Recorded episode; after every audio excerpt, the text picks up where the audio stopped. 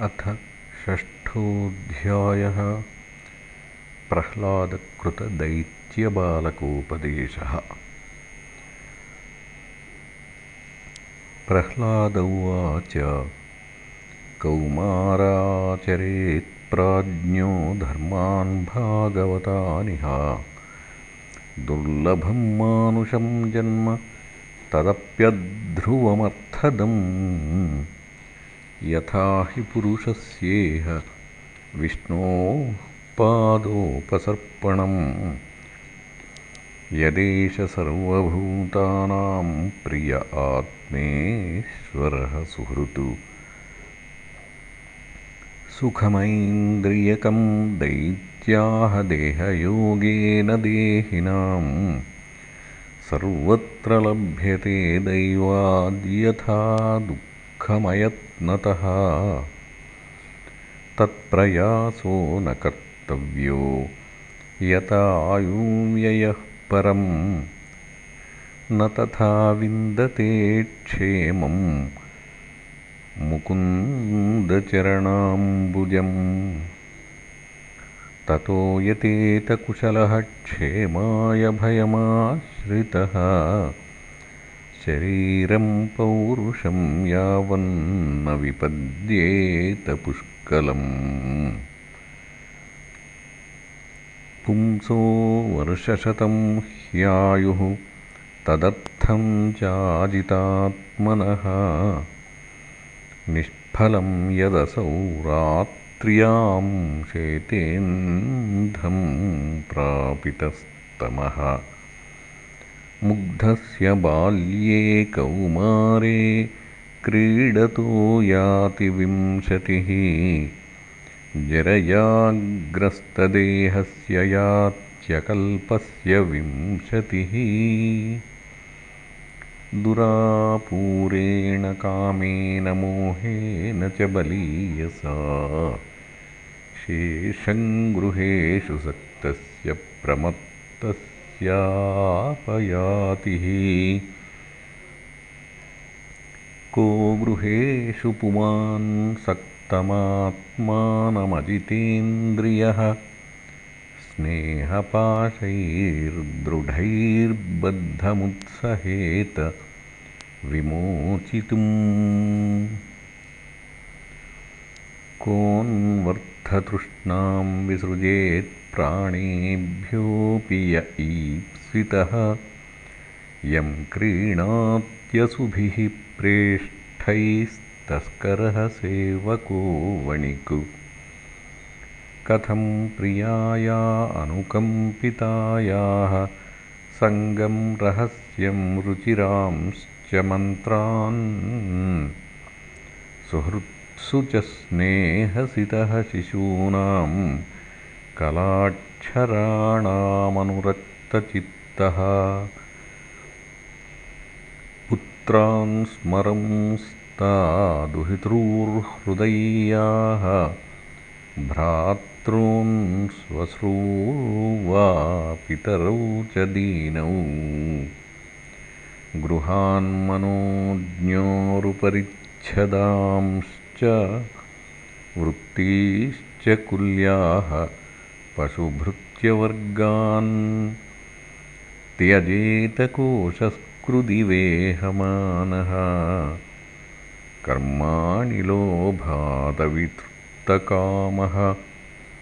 औपस्थ्यजैह्व्यं बहुमन्यमानः। कथं विरज्येतदुरन्तमोहः कुटुम्बपोषाय वियन्निजायुः। न बुध्यतेऽर्थं विहतं प्रमत्तः। सर्वत्र तापत्रयदुःखितात्मा निर्विद्यते न स्वकुटुम्बरामः। वित्तेषु नित्याभिनिविष्टचेताः विद्वांश्च दोषं परवित्तहर्तुः प्रेत्येह चाथाप्येताः तदप्यजितेन्द्रियस्तदशान्तकामो हरते कुटुम्बी। विद्वानपीत्थं दनुजाः कुटुम्बं पुष्णन् स्वलोकाय न कल्पते वै।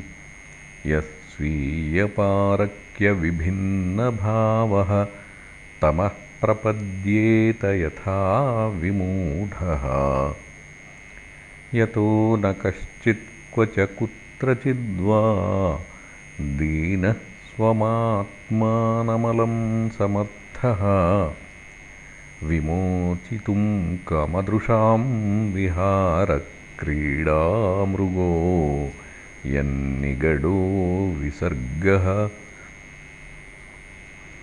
ततो विदूरात् परिहृत्य दैत्याः दैत्येषु सङ्गं विषयात्मकेषु।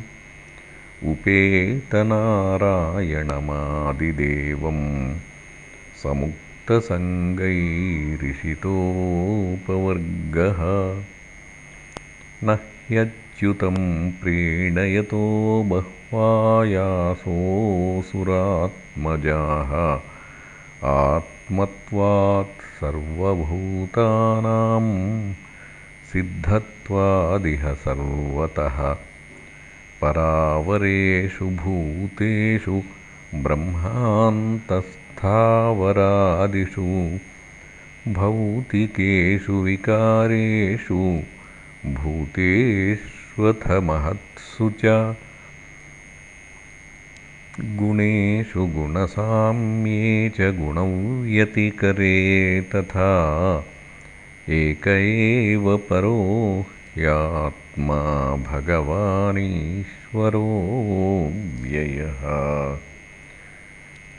प्रत्यगात्मस्वरूपेण दृश्यरूपेण च स्वयं व्याप्यव्यापकनिर्देश्यो ह्यनिर्देश्यो विकल्पितः। केवलानुभवानन्दस्वरूपः परमेश्वरः माययान्तर्हितैश्वर्यः ईयते गुणसर्गया। तस्मात् सर्वेषु भूतेषु दयां कुरुतसौहृदम् आसुरं भावमुन्मुच्य यया तुष्यत्यधोक्षजः तुष्टे च तत्र किमलभ्यमनन्त आद्ये। किं तैर्गुणौ यतिकरादिहये स्वसिद्धाः। धर्मादयः किमगुणेन च काङ्क्षितेन। सारञ्जुषां चरणयोरुपगायतां नः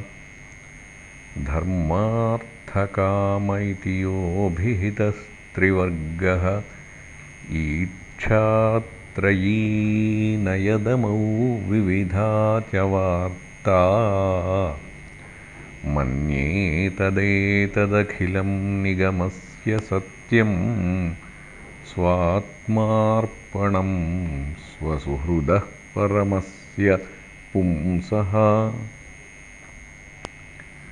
ज्ञानं तदेतदमलं दुरवापमाह। नारायणो नरसखः किल नारदाय।